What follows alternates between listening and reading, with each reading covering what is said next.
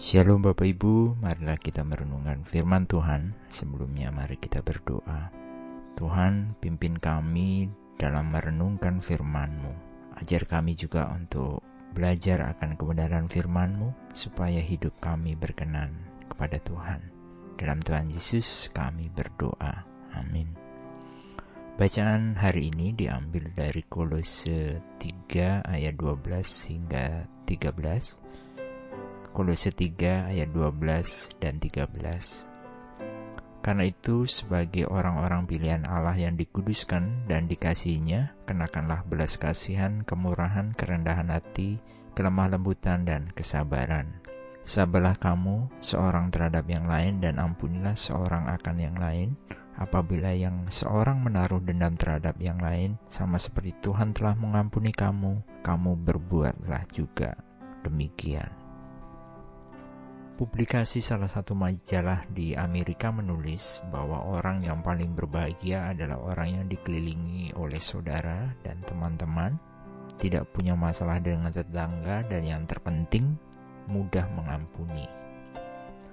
Pada dasarnya, manusia adalah makhluk sosial. Sebagai makhluk sosial, hal yang paling disukai adalah berkumpul, ngobrol, berdiskusi. Hal-hal yang pada intinya mempertemukan kita dengan orang lain Hal ini membuat kita menjadi bahagia.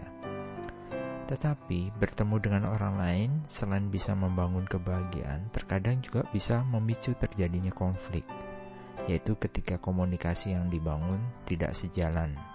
Lalu bagaimana sikap kita ketika kita bersosialisasi? Bacaan kolose ini memberi gambaran bahwa kita sebagai makhluk sosial, kita juga perlu meneladani kasih Kristus atas sesama kita baik itu saudara maupun orang lain. Jika kita bersosialisasi, sebarkanlah kebahagiaan. Kita tidak boleh menaruh dendam dan mudahlah untuk mengampuni, karena Allah juga melakukan untuk kita.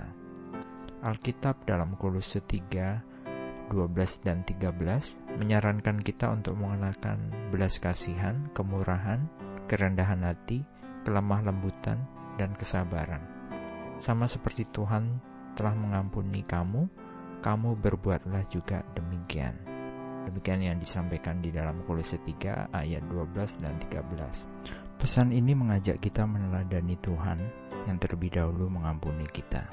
Sehingga sudah sewajarnya kita yang sudah memperoleh pengampunan, memberi pengampunan juga bagi sesama kita. Percayalah akan ada kelegaan dan kebahagiaan dalam diri kita. Sekali lagi ingatlah berapa banyak kita telah diampuninya. Amin. Mari kita berdoa. Ajar kami Tuhan untuk menjadi pribadi yang sabar dan rendah hati, supaya hidup kami meneladanimu Tuhan. Dalam Tuhan Yesus kami berdoa. Amin.